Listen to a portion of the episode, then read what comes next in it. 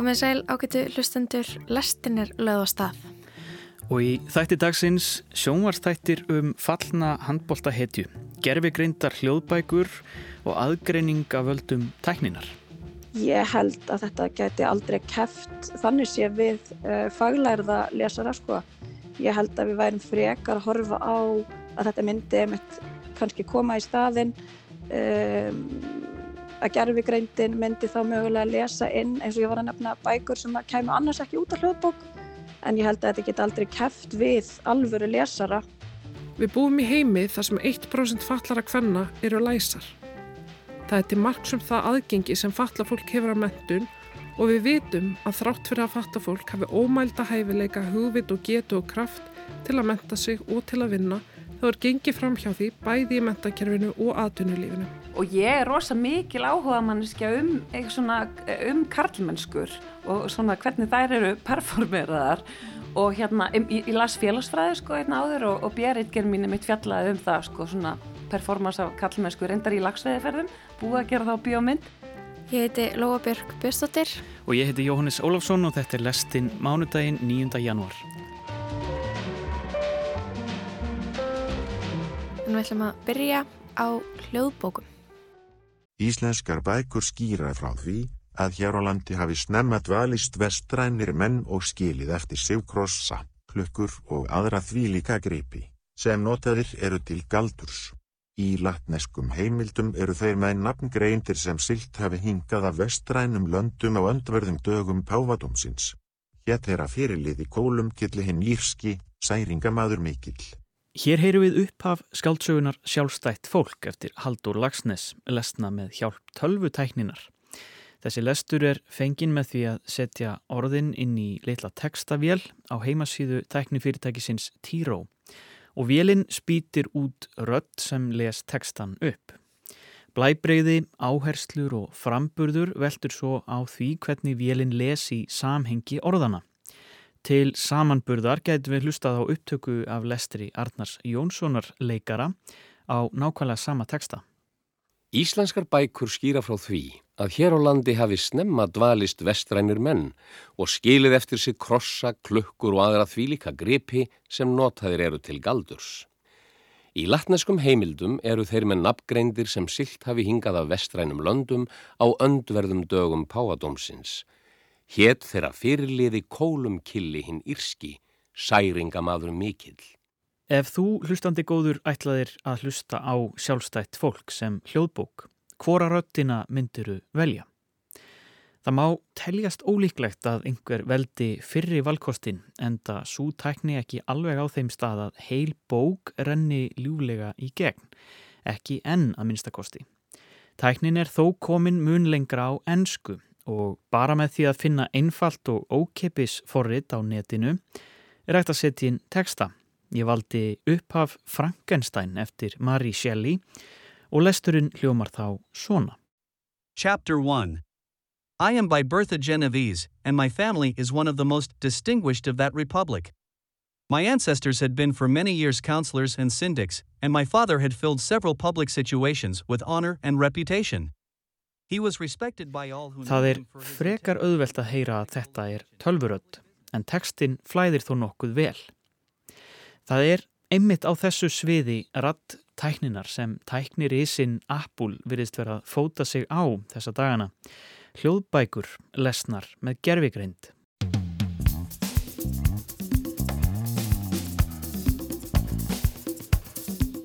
Frettir af gerfigreindar tækni virðast vera næstum daglegt brauð um þessar myndir.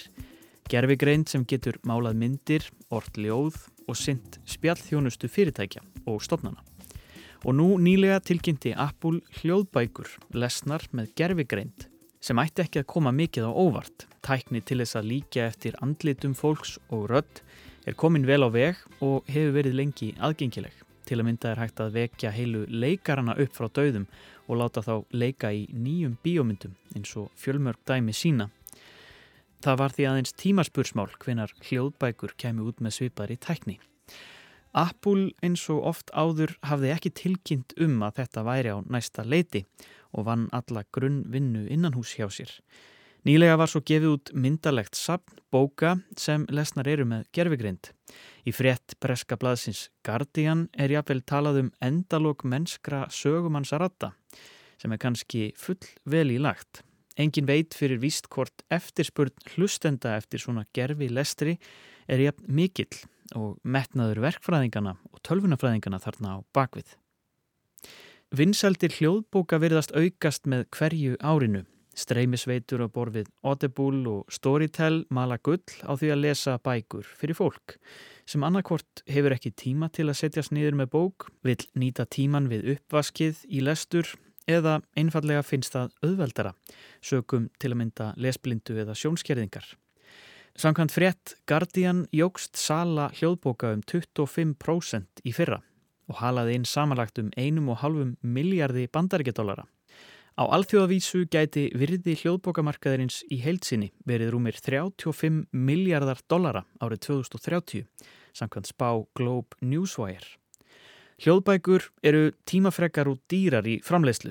Meðal skaldsaga er um 7-13 klukkustundir í lestri og er augljóslega ekki tekin upp í einum rikk eða í einni töku. Fljótt á litið virðist því helsti kosturinn við gerfigrindalestur vera gríðalegu spartnaður við framleiðslu. Á heimasíðu Apple er einmitt talað um kosti þessa fyrirkomulags. Aðeins brot af bókum kemst að í lestri og því er þetta stór aukning á frambóði. Bækur eftir minna þekta höfunda getur ratað víðar og lítil forlög getur séð fram á mun meira aðgengi. Er þá nema von að fréttamaður Guardian spyrja sig hvort tími mennska lesarans sé liðin. Rattir gerfigreinda hljóðboka Apple koma í nokkrum útgáfum, í mismunandi tón og lestri sem hendar mismunandi bókmynda stílum. Einn þeirra sem kallast Madison er ætluð eða ástarsögum og hljómar svona. Movement in the greenhouse drew his eye and a woman emerged. At first he wasn't sure. The woman was about the right age, but there was something different about her, about the way she carried herself. The bright aura that had always surrounded Allison was missing from this woman. And yet, there was something achingly familiar about her. En þessi tækni, hvernig virkar hún? Eru svona gerfigreindar hljóðbækur rökrétt þróun? Já, í samsett, þetta er bara, þetta er auðvitað búið að vera, held ég að mér finnst á döfinni bara í langan tíma Þetta er Jón Guðnason, dósent við verkfræðideild Háskólans í Reykjavík og einn forstuðumanna mál og rattækni seturs skólans. Og uh, svo er þetta kannski líka svona spurningin um það að við séum kannski fann að kalla allt saman gerfigrind um, en, en talgerfing á sér áratuga sögu, áratuga langa sögu og, og, hérna, og við, við höfum uh, dæmi um nótkunna á, á talgerfingu bara síðan 1960 eitthvað mm. og hefur alltaf verið, verið, verður alltaf betri og betri þannig að það, það ætti ekki að koma nefnum óvart sem að fylgis með talgerfingu að þetta sé uh, viðfángsefni líka. Mm -hmm. Talgerfing, getur þú líst þess aðeins? Hvernig, hvað fælst í þessu hugtaki? Já, talgerfing er einfallega bara að breyta rítuðum texta í talmál í tal, þannig að það er bara verið að lesa upp uh, texta mm en hérna, áhörður vita, geta ímynda sig kannski að þekkja um, Stephen Hawking og, og, sem að misti röttina sína en, en notaði talgerfingu lengi vel og, og hérna, mjög sem hann er upp úr 1980 eitthvað Technology has transformed the outlook for the disabled. People like me can now move around independently and they can communicate. The fact that you are listening to me now shows what technology can do, even if it does give me a Scandinavian or American accent. Hann, hann náði þá að koma sinni meiningu á framfæri í gegnum uh, uh, rattgerfingu eða talgerfingu. Mm -hmm. Og hvernig, sko, hver er staðan á þessi dag? Hvernig virkar þetta? Er þetta, er þetta þá í dag byggt á bara upptökum af mannsröttum eða hvernig, hvernig staðan ás í dag? Já, þetta er sem sagt, það er notað velrætt nám uh, mikið í þessu þó að, þó að lengi vel hafi þetta fælt not, nota aðrar aðferðir eins og til dæmis röttinans uh, Stephen Hawking og nota, nota að, aðrar aðferðir en á síðustu svona tíu árum eða svo þá hefur aðteklið mjög mikið beinst af því að nota þetta velræna nám og, og sjálf uh, hérna og, uh, já, og, og þetta nám þar sem að þú velrænt nám þar sem þú lætur tölvuna læra af upptökum þannig að þú ert með uh, sama lesandan í, í, hérna fyrir sama, sama rattgjafan og hann les upp jáfnveil marga klukkutíma af, af uh, fyrirfram uh, skrifuðum setningum mm -hmm. og, og þá er þessi gögn nótuð til þess að hérna, þjálfa í tauganett í auknum mæli um, sem að getur þá uh, lesið á texta og, og gískað á hvers konar hljóð eða hvaða hljóð var verið að uh, segja þegar þessi texti var lesin. Mm. Er, það, er það svo að þessi tækni geti þá uh, verið með ólíkan talanda, það verið með reym eða uh, ólíkt hljómfall eða tónfall, er þetta að velja bara rödd sem myndi lesa svona hljóðbækur?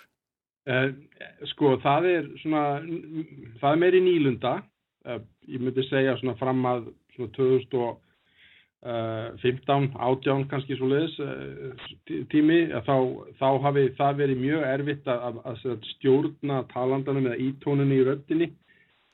Þá sko að, upp á þeim tíma þá hljómuðu svona flestir talgeflar bara með svona monotóniskri rödd og, og, og, og voru líka sko ekki þjálfaðir beint til þess að segja lesa langan texta og bara stuttarsetningar mm -hmm. um, en, en þannig að það, það er ímislega svona tegundir af upplöstri eða, eða, sagt, eða ta, bara tali sem að, sem að hérna, þarf að hugsa fyrir þegar maður er búið til svona tekni og þetta er einn sérstök í raun og veru tegund af talgerfingu það er að segja að lesa upp langan texta.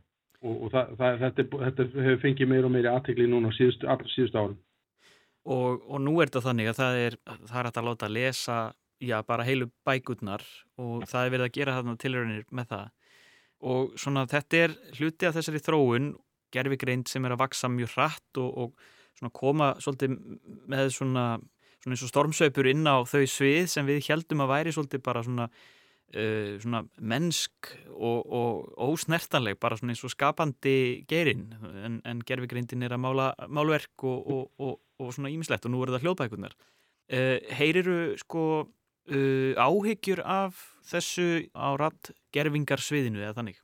Nei, ég verður að viðkjöna það. Þó ég sé nú kannski ekki í miklum teng, tengslum við listamennina sem að búa til þessar hljóðbækur. Ég er ekki, ég er ekki alveg þeim megin en þó það sem ég heyri uh, þá er oftar en svo þannig að, að sko listamenn sem að uh, sjá svona tækni, sjá yfirleitt bara tækifæri í svona tækni mm -hmm. og, og geta þá leikið sér með þessa tækni á ímsan hátt mhm. þannig að, þannig að listin í raun og veru við að búa til hljóðbók hún bara breytist og hérna eh, undirlikjandi listin eh, samt eða svo það intækið það er að segja búa til góðan upplöstur hann, hann verður alltaf til staðar þó, þó svo að það verður gert með öðrum aðferðum kannski.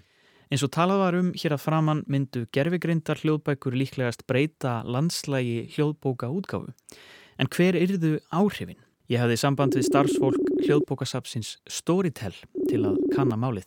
Uh, Ég heiti Sóla Þorstensdóttir og er framlegslustjóri hjá Storytel Þannig að uh, ég vinn við það á hverjum einasta degi að hérna, tala við lesaran okkar, er að vinna með þeim og er að velja lesara í réttu verkefnin. Þannig að ég hef kannski uh, sérstaklega miklu skoðanir á þessu. Ég vil ekki að þetta sé tekið af okkur. Mm -hmm. Akkurat. En segð mér aðeins bara, var hljóðbókaheimurinn svona meðvitaður um þessa þróun með að við hvernig gerfigrindir einhvern veginn farin að koma inn á öll svið eh, sko tækninar og, og, og lista og, og menningar hefur þetta verið rætt? Jú, jú, jú. Um, þetta hefur alveg verið rætt hjá okkur. Um, ég getur svo sem ekki tala sko fyrir Storytel sem hérna alveg í heild en hérna ég veit alveg af því að einhverjum markaðir svona hafa verið að pæla í þessu. Uh, ég veit sagt, af einum markaði, uh, Storytel markaði, sem að var að pæla í þessu að uh, láta gerfugreind lesa inn fræðibækur og eða skólabækur. Og þá var það hugmyndis að þetta væru bækur sem að eru það almennt alltaf dýrar í hljóðbókarframleyslu en þetta væri tækifæri til þess að koma þeim út á hljóðbók. Um, annars, jú, jú, þú veist, við erum alveg meðvitið um þetta en ég held að þetta sé ekkert að fara að taka yfir nærriði strax sko, ef nokkuð tíman Einmitt. En svona í fljótu bræði uh, áhrifin eins og segir, eru þau mikil uh, lístu þeim aðeins, hvernig, hvernig heldur að, að þetta þetta myndi fara ef að, ef að þetta mm. svona, færi af stað af, af alvöru, svona gerfi greinda lestur á hljóðbókum? Já, ég held að þetta geti aldrei keft þannig sé við uh, faglærða lesara sko. Ég held að við værum frekar að horfa á að þetta myndi einmitt kannski koma í staðin um, að gerfi greindin myndi þá mögulega að lesa inn eins og ég var að nefna bækur sem kemur annars ekki út af hljóðbók en ég held að þetta get aldrei keft við alvöru lesara um, fyrir einhver svona stóra titla til dæmis. Ég held að hlustendur þeir sækja alltaf í uh, svona þetta personulega sem mannlegi lesarin kemur með uh, í lasturinn. En eins og segir, þetta auðveldar framleiðstuna þannig að það væri hægt að gefa út uh, já, bækur sem að annars kemur ekki út um, mm -hmm. en þetta hlýtur að vera pínu frestandi að gefa út uh, mikið af gerfugrinda bókum að því að þetta náttúrulega tekur enga stund þannig séð, með að við hver, tíman sem fer í að lesa bók sko, með, með rödd, mannsrödd Sko, já um, að einhver leit og ég veit líka þú veist það hafa einhverjir komið með pælingar um að mögulega í framtíðinni, þá alls ekki núna um, væri hægt að velja svona gerfugrind um, sem myndi lesa inn þá bækurnar uh, og þá gæti fólk valið svona sína, veist, sína uppáhalsrödd til að lesa hverja bók. Mm -hmm. það er náttúrulega eitthvað sem ég veit að hefur stundu farið í taugarnar á hlustendum að hérna, það er bók sem þeir voru spenntir fyrir að hlusta á og svo er hún lesin af einhverjum sem þeir fíla ekki að þá getur þeir bara skipt. En hérna en aftur, ég sé það ekki gerast nærri strax sko. En er það ekki einmitt sko málið að, að, að það eru einhverji lesara sem eru vinsallin aðrir og fólk les þá kannski bækur einfallega vegna þess að lesarin heillar? Jú, algjörlega og hérna, við hefum séð mörg dæmi um það að bækur kannski gera ekkert eh, sérstaklega mikið á prenti en svo er réttur lesari valin í verkið og hann eða hún veist, bætir svo miklu við að þá verður hljóðbókin mjög vinsæl og, hérna, og bókin svolítið nær flugi af því að lesarin gerir þetta svona vel. Mm -hmm. En hvernig er þessu þá hagað? Ég minna, það eru bæði höfundarnir sjálfur sem lesa, það eru leikarar og svo aðrir lesarar. Þetta er svona blandaður hópur er það langt ferli að velja hver á að lesa? Hva, Já, það, það getur alltaf tekið smá tíma sko. Það er allir gangur á því. Hérna, stundum vilja höfundar uh, eða rétthafar hverja bókar hafa skoðun á lesaravalinu en stundum fæ ég líka alveg frjálsar hendur og bæði er mjög skemmtilegt sko. Mm. Og þá hérna uh, gerum við líka svolítið af því að fá lesara í pröfur mm. um, bara til þess að máta fólk við verkin og hérna, það er oft svolítið skemmtilegt sko. En svona ef við spólum aðeins fram í framtíðina og segjum að, að þetta væri svona á næsta leiti mm -hmm. uh, bara hér á, á, á Íslandi, okkar litla málsvæði uh, heldur að fólk hér var, sé tilbúið í þetta í svona gerfugrindalestur, heldur að fólk myndi alltaf uh, leita meira í hitt sko, mennsku rættinnar? Mm, jú, ég held það að fólk myndi alltaf leita meira í, í mennsku rættinnar sko. Miða við það hvað bara hlustendur hafa mikla skoðanir á lesaravalinu hjá okkur nú þegar að ef við tækjum þann faktor út að þá hérna, ég held bara að íslenskir hlustendur þú veist, þau bara hafa svo sterkar skoðanir á þessu að hérna, þau myndi ekkert leifa okkur að komast upp með að nota bara gerfugrind. Ég er vissum það að það verði nóga verkefni fyrir Eh, þá sem að stunda leiklastur uh, í framtíðinni þó svo að þetta komi en það verður kannski eitthvað öðruvísi sko. það, það má hugsa sér að, að hérna, það má hugsa sér að, að fólk vilji búa til ímiskonar upplifun á að hlusta á bók og, uh, og þá, að, þá geta listamenn í raun og veru uh, búið þá takni til sem að þá lesa upp og þá, þá fría, fríum við okkur frá um, þú veist þeirri vinnu sem að kostar að lesa upp. En þá getum við kannski í staðin uh, til dæmis lesið upp bara brota því sem að hefur þurft að lesa upp á, í ákveðnum stíl og láti síðan gerfugreindin að fatta hvernig sá stíl er og lesi síðan restina bókinni þannig. Mm. uh, eða, e, eða þá þú veist tekið rödd sem til er vonandi löglega með, með réttum leifum og allt svo leiðis og, og hérna og leift fyrir rödd að lesa þessari bók þó svo að einstaklingurinn geti ekki uh, geti ekki lesið uh, bókina. Til dæmis, hann geti ímyndaði til dæmis ef að Haldur Lagsnes myndi bara lesa upp Jón Kalman. Þannig að það er ímislegt hægt.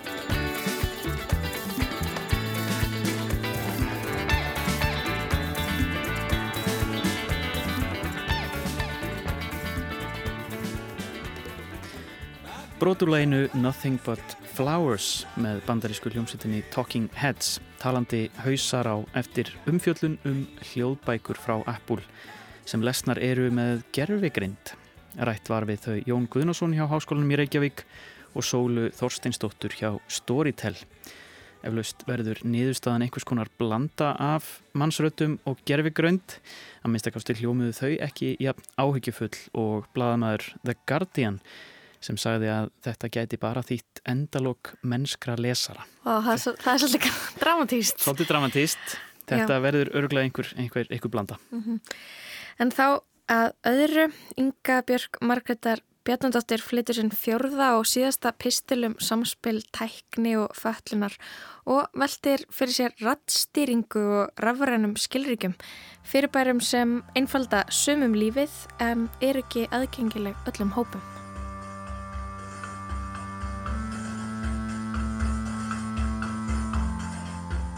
Í pislum síðustu vekna hef ég rætt um tækni og áhrif þeirra á líf fólks og skoðað hvernig áhrifin bytna oft verð á þeim hópum sem þegar eru jæðarsettir.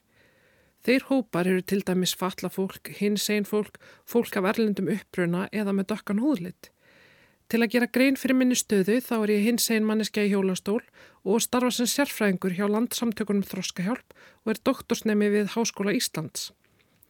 Ég hef fjallað um nokkrar af þeim skuggalliðum tækninar sem blasa við okkur en eru okkur of oft fjarlægar. Við hefum erfitt með að gera okkur í hugalund hvernig hægt er að nýta tæknina til að fylgjast með okkur, hafa áhrif á haugðun okkar, skoðanir og líðan og láta tölfur taka ákvarðanir um líf og afkomi fólks. Þróun tækninar hefur líka búið til þá stöðu að á margan háttur að verða til tvö samfélag. Samfélag þeirra sem geta nýtt tæknina og þeirra sem geta það ekki. Margar vísindaskáldsögur hafa verið skrifaður um þetta efn á síðustu áratugum en fyrir ákveðna hópa eru þar að raungerast. Tæknin er ákveðnum hópum óaðgengileg að hluta til eða öllu leiti og þar er meðal annars hóparfallas fólks. Til þess að skilja af hverju þurfum við að rekja okkur í gegnum þygt lag af óréttlæti sem á rætur að rekja í fyrirbæri sem heitir eibulismi.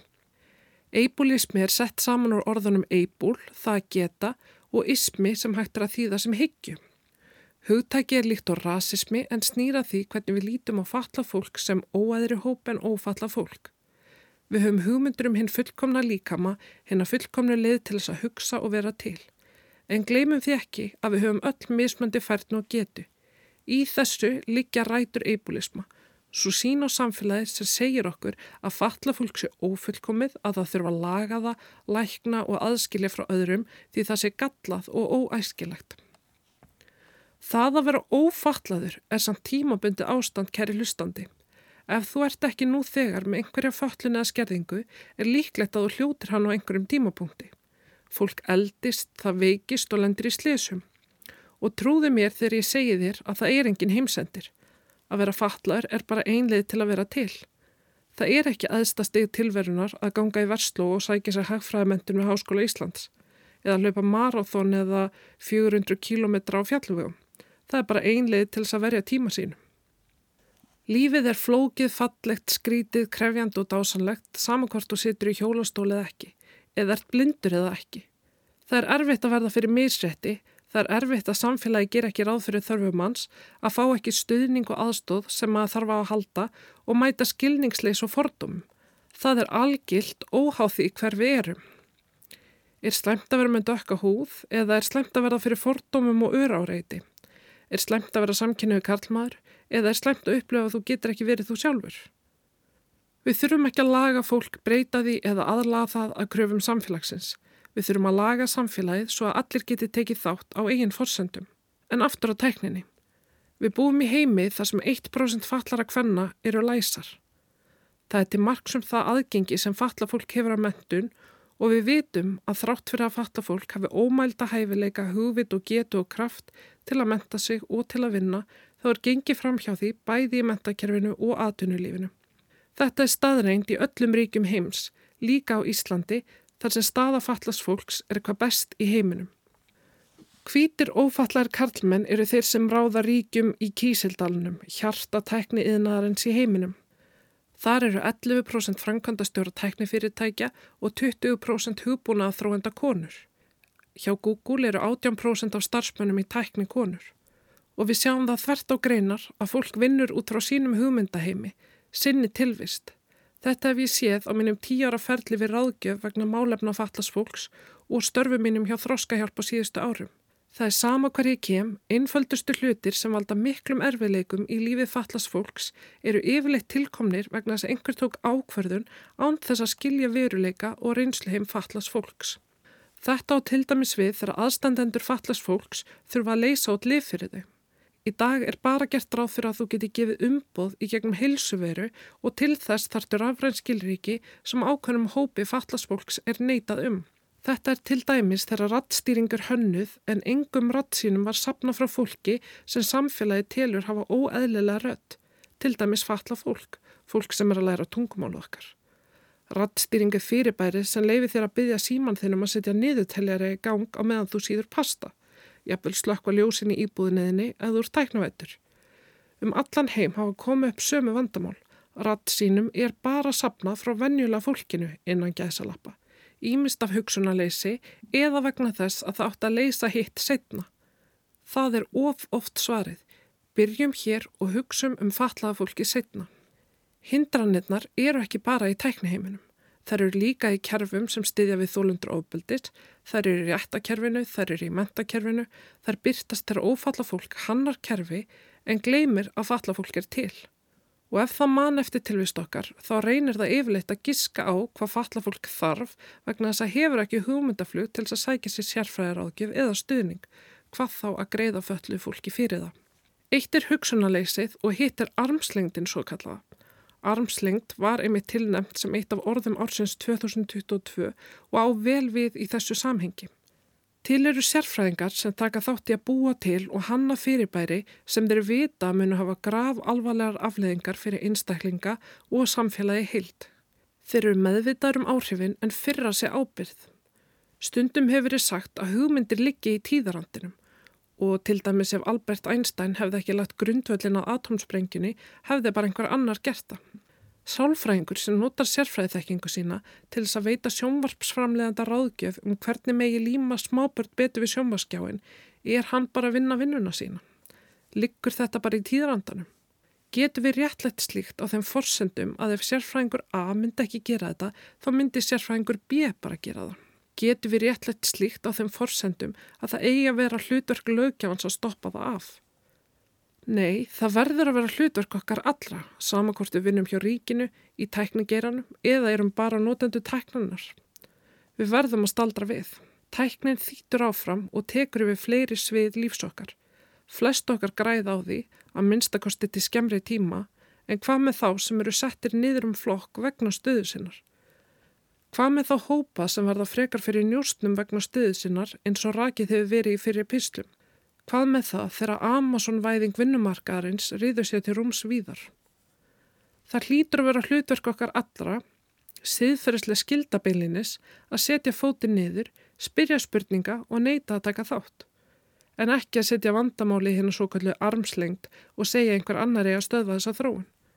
Þetta er því kvartning til þín, kæri hlustandi, að fylgjast með tæknið þróun, hvaða gögnum verið að sapnum þig, hvaða áhrif þessi tækni hefur á heilbríðiskerfið, vinnumarkaðin, félagslega kerfið og réttakerfið. Við eigum ekki að leifa því að viðgangast að tæknin sé nótuð til að skapa samfélag aðgreiningar þar sem við erum fyrsta og annarsflokks borgarar eftir getu okkar til þess að nota tæknina. Við eigum ekki að leifa því að viðgangast að ríki og engaðilar fái frjálsar hendur til þess að fylgjast með okkur, sapna gögnum um okkar og hafa áhrif á hegðun, skoðanir og líðan okkar. Við eigum ekki að leifa því að viðgangast að þáttaka í stafrænum heimi sé forsenda þess að við njótum borgarlegra réttinda.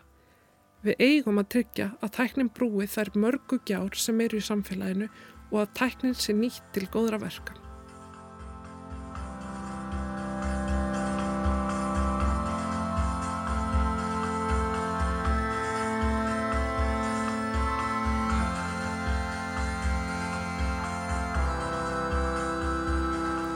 Inga Björk, Margreðar Bjarnadóttir flutti sinn fjörða og síðasta pistil um samspil, fötlunar og tækni hér í lastinni.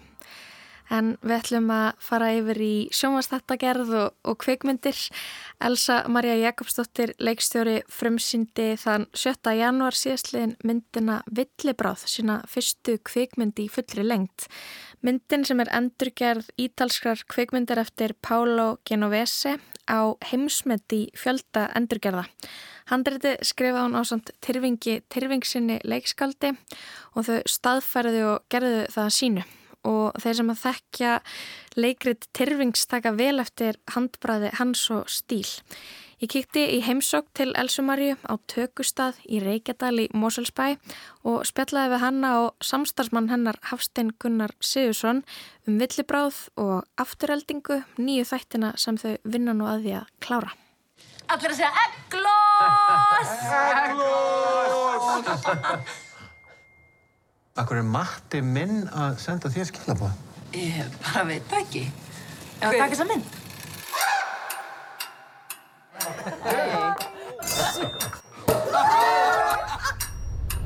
Ég er með leik. Síman á borðið. Og meðan við borðum, þá lesum við upp átt öll skilabóð, ítum á spíkar þegar einhver ringir og skoðum alla myndir.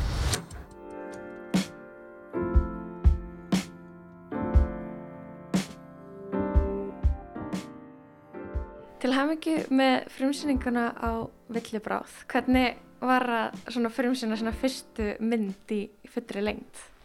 Það var bara ótrúlega skemmtileg upplifun og hérna ég er búin að vera, já, bara svo spennt að sína þetta fyrir fullum sál mm. og bara það var bara gaman hvað tók, fólk tók vel í þetta og hvað mikið hleyið mm. og bara hvað ég var líka bara svona sjálf búin að sakna þess að bara hlæja í, í fullum sal af fólki sko. Það er bara aldrei langt síðan sko. Já, langt síðan maður sá íslenska grínmynd. Já, kannski, ymmit. Ég er bara búin að vera svo upptekinn, þú veist, í, kveikmyndagerð og barnegnum að ég hef allan ekki komist í bíó sko, undanfarið. Þú sagði um þetta sko í, í ræðinni á, á fyrirmsynningunni sko að bíógestir mætti alveg búast við að sjá sig kannski aðeins í personunum. Mm. Fyrst eitthvað að heyra eftir, eftir fyrirmsynningunum frá fólki bara að heyra þetta var bara ég. Já, já, ég fekk nokkra, nokkra fyrirspurnir sko. Já, jú, það voru þarna einhverju sem að könnust við sig að einhverju leiti eins og náttúrulega ekkert hundra sko við þegar við vorum ekkert, það var engin einn sem við þekkjum bara hérna sem við öpuðum eftir frá til en, enga veginn sko. Já. Og kannski ekki líka beint personur sem mann langar að líkast? Nei, nei, en hérna, en ég bara finn sjálf mig í þeim öllum sko hérna og tengi bara stert sko. Mm. Þannig að hérna, annað ég hugsa ef að, ef að ég get fundið mig í, í hérna í þeim þá geta það eflust fleiri sko. Já. Þið takið þetta handrit, þetta er svona, þetta er endurgerð á svona mynd sem hefur verið hvað oftast endurgerð. Þetta var samt ekkert eins og endurgerða, fannst þetta ekki bara vera ykkar mynd? Þeir eru búin að staðferða þetta og breyta ókslega miklu, leiðir ekki bara eins og þetta væri algjörlega ykkar eitthvað neginn? Jú, sko um leið og eitthvað neginn þessi ákverðan var tekin að þá, hérna, að þá verður þetta manns eigið, sko. Mm. Og hérna þessi símalegur, hann er svona í rauninni bara skapalón og svo uh, er restinn okkar sko og eins og þú vantilega heyrir að þá er þetta hérna, mjög sértækur íslenskur dialókur mm. og hérna þannig að hann er auðvitað, auðvitað bara okkar og, og fullt af vendingum og auðvitað allir karakterarnir og, og hérna ekki síst endurinn er hérna þetta bara okkar og líka, og líka og þess vegna líka var þetta spennandi að hérna að, að maður gæti hérna bara styrta fullt af hugmyndum úr skúfunni og sem átt að fara inn í önnu verkefni einhvern veginn ofan í þetta skapalón sem þessi símalegur er, hann bara svona rúmaði svo rosalega mikið af, af hugmyndum þannig að við Já, við bara tróðum bara öllu inn í þetta sem komst, komst fyrir, sko. Þannig að endurinn þarna, sem ég ætla nú ekki að segja hvernig er sem er svona óvæntur uh, uh, var hann á hann ekkert skilt við upprunlu myndina? Er þetta alveg ykkar tvist eða? Já, já, já, já. Ég get, ég kannski, ég get eðilegt orginali með því að segja frá því að, uh, að þá var þetta allt saman draumur. Já, okay. að þá hérna, hérna kemur, það er svona einhver Dallas Twilight Zone endir á hérna þeim myndum sem að, þeim útgáðum sem ég, ég hef séð og hérna okkur fannst þetta alltaf fúlt sko, það er búið að leggja, nei, mitt að maður er búin að hérna, upplifa alltaf mikið með þessu fólki og gangi gegnum og margt með þeim til þess að svo sé bara gefin svona einhver afsláttur sem að hérna segir, já hugsið ykkur nú ef að við myndum nú leggja síman á borðið. Mm. hérna þegar það er raun alltaf verið að segja það. Já það er neini, okkur dætti ekki huga að not, nota það. Og fund, fundum að okkur fannst það sjálfsögðu miklu betri löst já, já, já Frá hverjum? Ég þrái líka maður Hann blind full þetta Það er ekki svara hann Nei heldur að sé öðruvísi tilfinning að vera að frum sína, fyrstu mynd og hún er endurgerð heldur en eitthvað svona efnis eða eitthvað mynd sem að kemur frá þér heldur að, að vinna með verk kannski annars höfundar Já sko, ég ætla hana það er kannski einhver leiti minna stress mm. þó að lokum skiluru hérna ámaður orðið þú veist hérna bara einhvern veginn að manni finnst skilur hvert einasta hérna andatak í þessu en hérna, en, en mér fannst það reyni bara positíft að svona bjóð til bara svona jákvægt uppstreymi kannski af því að mér fannst eh, sko ítalska orginallin hérna mjög sniðu sko frásagnin kannski svona stemningin og kveikmundagerni sjálfur sér og kannski ekki minn tepolli en þá var svo fínt að geta bara sko hérna þá er bara hægt að gera betur sko að, að, að eiginmatti sko þá náttúrulega bara færi maður þetta sínu og sínum smekk en hérna þannig að já þannig mér finnst það reynir bara rosalega frelsandi að, hérna, að, finna, að vera alltaf einhverju svona orku að maður getur bara gert betur mm -hmm. uh, fyrir sjálfan sig sko mm -hmm. en, hérna, en, en þetta með þess að endurgerðir er náttúrulega alveg þekkt eins og kvikmyndin Kóta sem að vann Óskarinn til dæmis í fyrra fyrir besta handrit, hún byggir á uh, franskri bíómynd uh, sem kom út fyrir nokkrum ári síðan uh, eina uppáhaldsmyndanum mínum sem heitir Oslo 30. ágúst eftir Jókim Tríer, frábæra norska leikstjóra hún er uh, endur gerað franskri bíómynd úr 60-sinu þannig að þú veist, þetta þekkist alveg og maður sér það hvernig þú veist, hérna, þetta getur bara að vera svona stökkpallur úti í að svona kannski bara að, að finna sig í öðrum mm -hmm. eins, og, eins, eins og sagt er þarna í, í geðorðunum sko mm -hmm. Rúsnesku rúlletta er líka leikur Björg Er ekki lægi með því? Er þetta í fyrsta skipti sem þú leikst þér ykkur gríni? Uh, ég, já sko ég reyndar þegar ég sótti um í danska kveikmyndaskólanum þá gerði ég litla stuttmynd með Hilmari Guðjónssoni sem að hérna fjallaði mitt um kynferðislegar frustrasjónir og, uh, og hann var mitt í svona kannski bara mjög svipuðu svipuðu hlutverki og hérna fjallaði um fólk að fá sér ís og, og, og tala um hérna já, kynlíf sem er ekki existerandi í þeirra sambandi og hétt Ísfólkið Svo þú frumsinni hérna fyrir helgi og nú ertu komin strax aftur í vinnuna að leikstýra í Mórsælstall. Já, hérna er ég við tökur á sjónstáttarseríunni Aftureldingu sem verður á rúf um páskana og þetta er uh, frábært verkefni. Uh, Hafsteinn Gunnar Sigursson og Haldur Haldursson díðina skrifa þetta og Hafsteinn Gunnar er svona hvað segum við, svona aðal leikstjórin á þessu, leikstir í helmingunum og þáttunum og ég og Gagga Jóns tökum svo hérna sitt gott tvo þáttun á mótunum.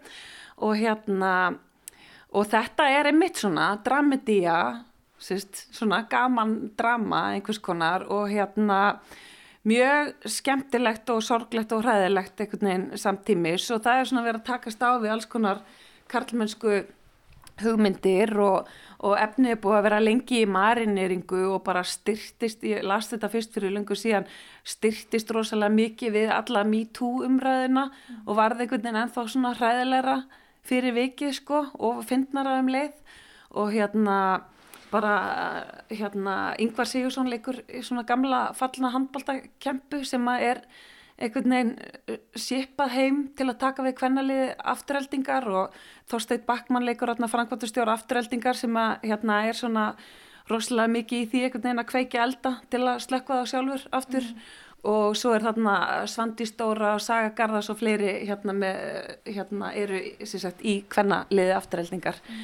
með hlutverk þar og hérna bara ótrúlega skemmtilegt verkefni og bara gaman að vera svona partur af svona teimi, ég hef náttúrulega ekki gert verið í svona sjónvarpsteimi áður mm -hmm. en hérna það er búið að vera rosalega hérna skemmtilegur svona díalókur að, að vera í og hérna geta tjúna sér inn og aðra ég, ég var lengi í kór sko þannig að ég held ég hafi svona alveg, alveg svona já, talent í það svona tjú, tjúna mig mitt inn, inn í aðra sko -hmm. og, og, þeirra, og þeirra vissjón líka sko já. Er eitthvað sem er, svo, sem er svona spennandi við að, að vinna með grínið? Já, er sko hérna, ég finna alveg svona hérna og eins og í, í, í hérna, í villibráða þú veist að, að, að, að þú veist þó textin sé aldrei fyndin sko þá verður maður að taka honum óbúslega alvarlega og hérna og, og leikarinn þarf að þú veist þetta þarf alltaf að vera satt og alveg bara hérna það þarf alltaf að vera satt og, og meina það alveg 100% sko. Annars, annars verður það ekki fyndið sko já, bara mjög, mjög skemmtilegt að, að, að fara þangað og svona fjallaði mókslega erfiða og hræðilega hluti á, á þennan hátt. Það verður bara svo mikil spenna á þann hátt, sko. Ég kann mjög vel við það, sko. Mhm. Já. Þú uh, vinnur villibráð með Tyrfingi og svo er, er hérna, afturhalding með Haldur Haldurssoni og Hattagunna. Um, er þetta, er þetta búið að vera samferða fólk þitt svona í gegnum lífið þegar það er svona að þekka þetta fólk lengi? Já, sko ég og Tyrfingur og Dóri vorum öll saman í MH og við Tyrfingur líka, vorum líka kórfélagar sko og hérna, já, já, já, þú veist hérna og, og vinnir og vinnahópar sem tengjast alveg út um allt og, og hérna, já, þannig að þú veist kannski svona þekkjumst og eitthvað svona höfum kannski eitthvað svipa tungutak og eitthvað deilum kannski húmur og smekk að einhverju leiti og Hafstengunnar Hattagunna hef ég þekkt síðan að hann kom heim úr kvikmyndanámi í New York. Og hérna og ég var aðstofar aðstofalegstjóri á uh, Paris Norðursins og hérna hef verið mikið í kringum hans pródusjónir mm. þannig að ég svona, víst ég sko þekkja hans kvikmyndagerð mjög vel. Þannig að það var svona fyrir eitthvað auðvelt fyrir mig að setja mig inn í, inn í það sem hann vil vera að gera einna.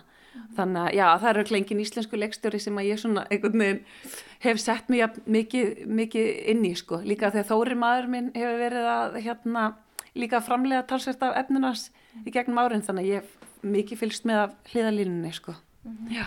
Við mitt hérna, þessi þættir uh, gerast svolítið í íþróttaheiminum og, og það er með líka svolítið verið að taka íþróttinnar og svona íslenska eða bara ég veit ekki, kannski er það bara alþjóðlega svona íþróttamenningin, karlmannskan uh, eitraða karlmannskan mm -hmm. uh, þannig að þráðurinn með, með samkynneið og, og, og fókbólta þjálfvaran í, í villibráð Já. og er ekki, er ekki eitthvað margt svolítið spennandi í þessu sem við getum skoðað sem er ótrúlega fyndið í íslenska íþróttaheiminum Jú, mjög sko. Og ég er rosa mikil áhuga manneskja um, um karlmennskur og svona hvernig þær eru performeraðar. Og hérna, og hérna ég, ég las félagsfræði sko einna áður og, og Bjerritger mín er mitt fjallaði um það sko svona performance af karlmennsku reyndar í lagsveðiferðum, búið að gera þá bíómynd. Mm -hmm. en hérna en, en, en það er svona alls konar pælingar sem að ég finna hérna hafa svona uh, svona búið lengi sko með mér og, og sko og eru algjörlega výbrandi í, í villibráð einhvern veginn hvað við erum að hérna gera mikið grín að því sko og be, be, alls konar beglari karlmennsku og hérna og, og hérna líka. Það er bara svo, það er svo fyndið sko.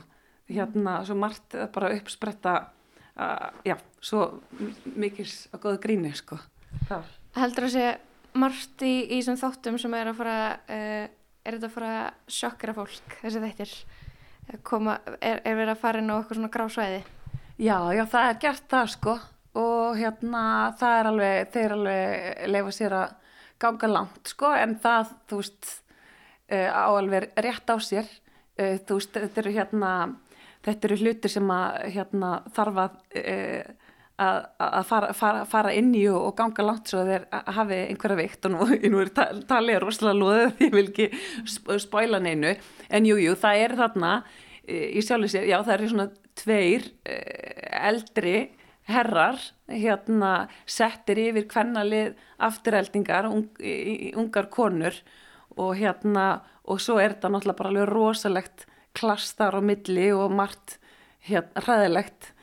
Og, og komist sem að getur komið upp það, þar á milli þannig að bara strax þar eru með rosalega áhugavert uh, samspill Takk að kella fyrir spjallið, ég ætla að hleypa í hátegismat, takk fyrir að gefa þér tíma til þess að spjallaði mig hérna á miðjum vinni degi. Ég ætla að það er búin að ringja þér, látt ekki svona, talaði við mig. Tala við þig? Veistu hvað við oft reynd að tala við þig? Við fluttur heim. Já, og hvað að gera? Þetta ömmu stjana við þig? Nei, nei. Ég kom með jobb sko, hérna í Mosó. Einmitt. Já, neinar á ekki með. Hafstöldgunar, hún langa að grípa tækifæri með henni erriðna á, á setti. Ég var að ræða við Elsu Marju sem var að frumsina. Þeir eru í, í fullu og tökum á afturhaldingu. Mm -hmm. Hvað segir þú? Hversu langt eru þið komin? Við erum komin mjög langt.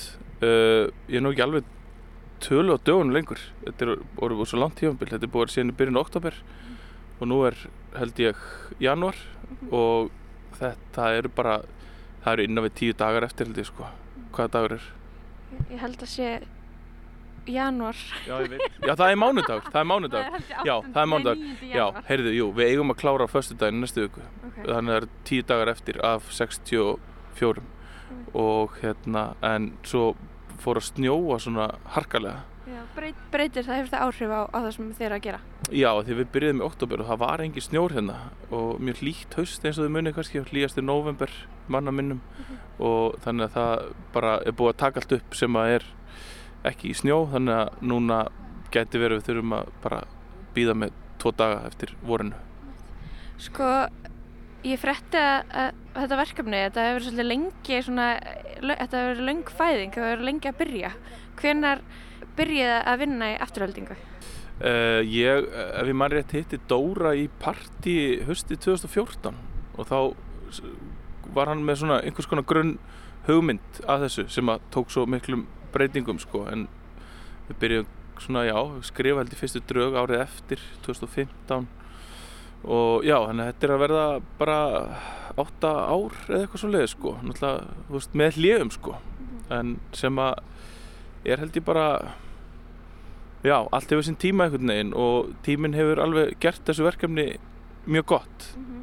er, það, er það ekki einhvern veginn þannig að það áttur stað eitthvað svona alls konar atbyrgur í þjóðfélaginu sem svona gáfi þessu eitthvað svona nýtt samhengi umfylluröfnunni? Algjörlega, við einhvern veginn byrjuðum að, að skrifa þetta út frá svolítið svona hvað segir maður, svona uh, já, bara kynja misrétti sem að svona byrtist mjög skýrt innan íþróttaheimsins mm. og voru svona byrjar að skoða svona, þær pælingar sko og, og þá er mitt bara fyrir alltaf springi loft upp í samfélaginu allar þessar byltingar sem bara að við allt í hennu bara fór alltaf að eiga sér stað út í samfélaginu sem við vorum að skrifa um einhvern veginn sko sem var mjög áhugavert og hérna þannig já þannig að við þurftum svolítið að svona uppfæra okkur sko og, og elda elda svona atbyrði sem að hafðu áhrif á það sem við vorum að gera Um hvað fjalla þessir þættir? Þessi þættir fjalla um svona gamla þjóðhetju uh, Skarpiðin sem að er uh, gammal landslýs fyrirliði handbólta og, og svona 90's töfari sem að uh, er já svona hans ferilli búinn og, og svona stjarnan hægt að skýna og, og hérna og hann er dregin upp á gamlu félagunum í, í hérna, uppeldisfélaginu sem er afturhelding í Moselsbæ sem að eiga svolítið erriðt með að horfa upp á ásandi á honum og gefa honum þjálfarastarf sem hann er nokkuð ánað með þá hún tala hann átt að sjá að þeir eru að láta hann hafa kvennaliðið sem er algjörlega fyrir neðan hans virðingu. En þarna mæta síðan ungar konur svona með tölvört önnur gildi heldur en þessi kall af gamla skólanum og, hérna, og úr verður mjög svona áhugaverð blanda. Þetta eru grínþættir, hvað, hérna, hvað er það að vinna með?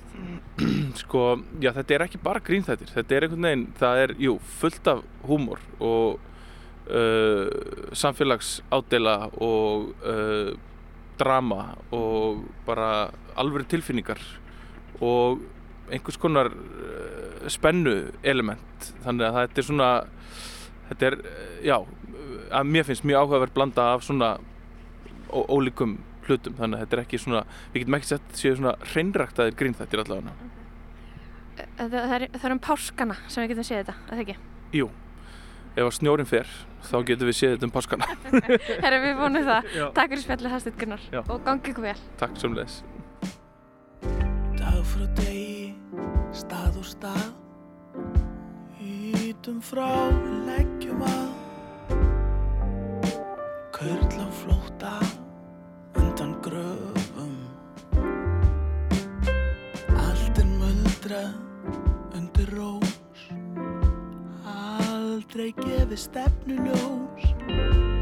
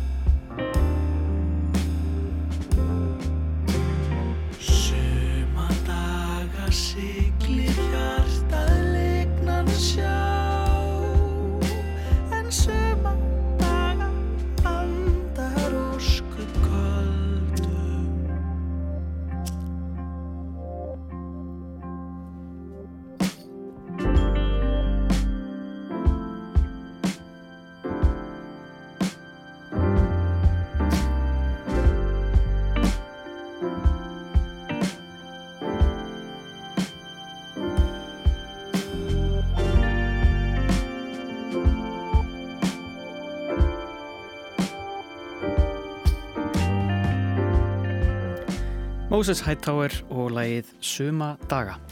Já, Hafsteinn Gunnar Sigursson og Elsa Maria Jakobsdóttir leikstjórar voru trublu af lestinni í dag, hátdeismat á tökustað afturheldingar.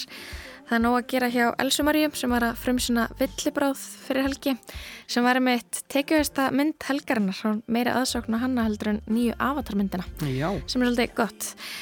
Já, Jónas, þú verður kannski bara bráðum eini Íslendingurinn sem er ekki búin að sjá þessa mynd ef þú drýfur þig ekki bíó. Mm, já, sko ég er mögulega nógu þrjóskur til að halda því bara áfram og verða bara eini íslendingur sem er þetta síðan eins og með Game of Thrones, ég hef aldrei séð Game of Thrones og Þú ert að byrja þeim núna? ég er að byrja eða? það núna af því ég, ég er að gefast upp en Já, sjáum til hversu lengi held út þannig að við getum reiknað með því að þú munir sjá villibráð árið 2032, eitthvað þannig. 2033, Já, segjum það bara ok. En við erum komin á endastöð hér í lestinni við verðum aftur á sama tíma á morgun við Jóhannes og Lóa þökkum fyrir samfélgina Já, tæknum maður í dag var Þorbjörn Gísla Kolbrunarsson. Verið þið sæl.